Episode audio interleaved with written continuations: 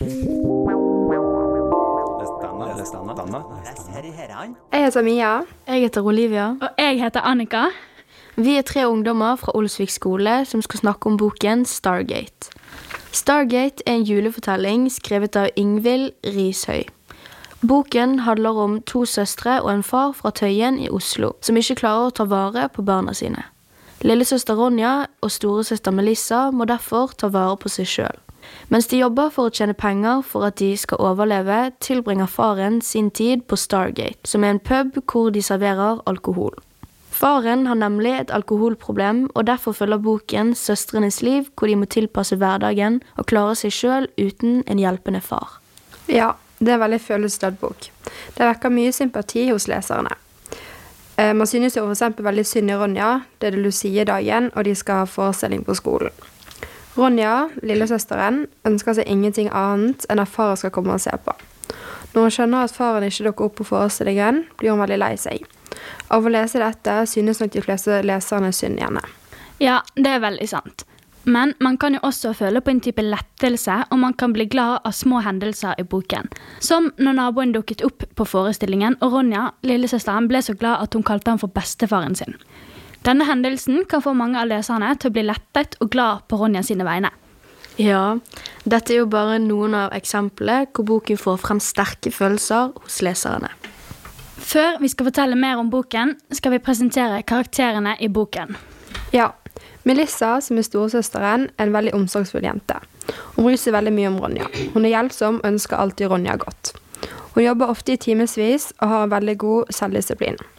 Med tanke på at faren ikke er så mye til stede, kan man føle at Melissa kanskje tar litt en foreldrerolle. Ja, jeg er helt enig. Man merker jo at Melissa er veldig ansvarlig.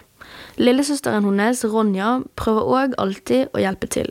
Men hun er mye mindre, så det er ikke alltid like lett for hun. Jeg vil si at hun er høflig og hyggelig. Ronja har òg mye tro, altså hun drømmer og håper masse. Men Melissa bryter ofte ned disse drømmene. Ja, stakkars Ronja. Faren deres er jo ikke så flink til å passe på dem. Han bruker opp alle pengene på alkohol og kommer så å si hjem full hver dag. Ja, han er ikke så veldig ansvarsfull. Tommy, som Melissa jobber med, er en veldig hyggelig mann som prøver å hjelpe søstrene. Sjefen til Melissa derimot, han er veldig streng og ikke så hyggelig. Han kaster alltid ut Ronja når hun er med Melissa på jobb. Ja, nå har vi gått gjennom alle hovedkarakterene. Men har dere en favorittkarakter? Hm, det var et bra spørsmål. Min favorittkarakter er nok Ronja.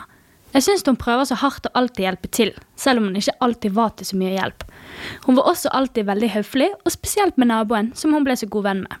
Jeg syns bare hun var skikkelig sjarmerende jente som fortjener bedre. Jeg er veldig enig med det du sier, Annika, men jeg tror kanskje at min favorittkarakter er Melissa. Jeg syns hun er veldig voksen for alderen og tar veldig godt vare på Ronja når faren ikke er til stede. Eh, Min favorittkarakter må nok bli Ronja. Jeg er helt enig med deg, Annika. Ronja har en så bra personlighet. Hun kommer godt overens med alle, er sjarmerende og vil alltid være med og hjelpe. Ja, og så kan vel alle være enig i at vi ikke er så fan av verken faren eller sjefen til Melissa. Ja. Ja. Hvilke tema mener dere var viktigst i boken? Jeg synes kanskje at det viktigste temaet i boken er utenforskap. Melissa tar mye foreldrerolle hjemme, fordi faren ikke er så mye til hjelp. De fleste har foreldre som stiller opp, der familier gjør koselige ting sammen. Spesielt nå som det er juletider. Et eksempel fra teksten er den ene dagen faren til Ronja følger hun til skolen. Ronja føler seg ukomfortabel og vil ikke at de andre skal se hvordan faren oppfører seg. Hun vil ikke at han skal følge han helt inn, fordi han sjangler litt og ja. Jeg er helt enig med Olivia. Utenforskap kan ses på, på mange måter. Som Olivia nevner, havner de utenfor når de ikke har foreldre, men også når de ikke har penger. Det at de er fattige, fører til at de på mange måter faller utenfor. Lite mat, av og til ingen mat, er noe som de fleste i Norge har tilgang til. Når de f.eks. kommer på skole uten matpakke, så legger jo klassevenninnene merke til det. Og dette kan føre til at de automatisk havner på utsiden, fordi de ses på litt sånn annerledes når de ikke har med mat. Ja, jeg er veldig enig med begge temaene dere tar opp. Men jeg tenker at eh, jul også kan være et slags tema i boken. Man ser ofte på jul som noe fint for alle, med god mat, gaver, venner og familie. Men jul kan også være veldig utfordrende for flere. Noen kan føle på ensomhet, problemer i familien eller økonomi og alkoholmisbruk, som et eksempel som denne boken tar for seg. Ja, det er altså veldig mange viktige temaer i denne boken som er relevant for samfunnet. Boken er derfor en samfunnskritisk bok som oppfordrer til endring i samfunnet. Ja, helt enig. Boken kan jo også minne veldig om Piken med svovelstikkene, fordi begge disse bøkene tar opp mange av de samme temaene. Ja, jeg er veldig enig. Men hva syns dere om boken, da? Sånn, Var den sånn som dere hadde forventet at den skulle være? Nei, altså jeg syns ikke han var helt sånn som jeg hadde forventet. Selv om jeg ikke helt visste hva jeg forventet, så syns jeg at den på en måte var litt overraskende. Ja. Ja. Jeg hadde trodd at faren i boken ikke skulle være så mye til stede som han var. Selv om vi visste at Melissa og Ronja måtte jobbe og gjøre mye sjøl, så hadde jeg på en måte trodd at det var mer arbeid hjemme, og ikke at de skulle jobbe i en ordentlig jobb, da. Ja.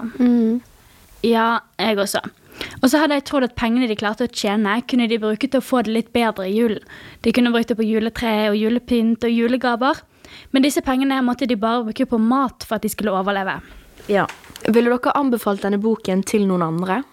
Ja, eh, Stargate kan være en fin måte for andre å få et innblikk i at kanskje ikke alle har det like fint i julen. Det var også noen hull i boken som gjorde at man var nødt til å bruke fantasien for å gjøre historien mer komplett. Ja, Stargate er en spennende bok, men det at vi måtte fylle inn hullet sjøl, gjorde kanskje at den ble enda mer interessant. Det at boken var spennende, gjorde at det var vanskelig å legge den fra seg. Det var en ganske åpen slutt som gjør at man ikke glemmer boken med det første. At man gjerne går og tenker litt mer på hva som skjer på slutten. Og så var den veldig kort og lettlest, så det var jo veldig fint. Ja. Alt i alt vil vi si at dette var en fantastisk bok. Takk for oss. Ha det bra!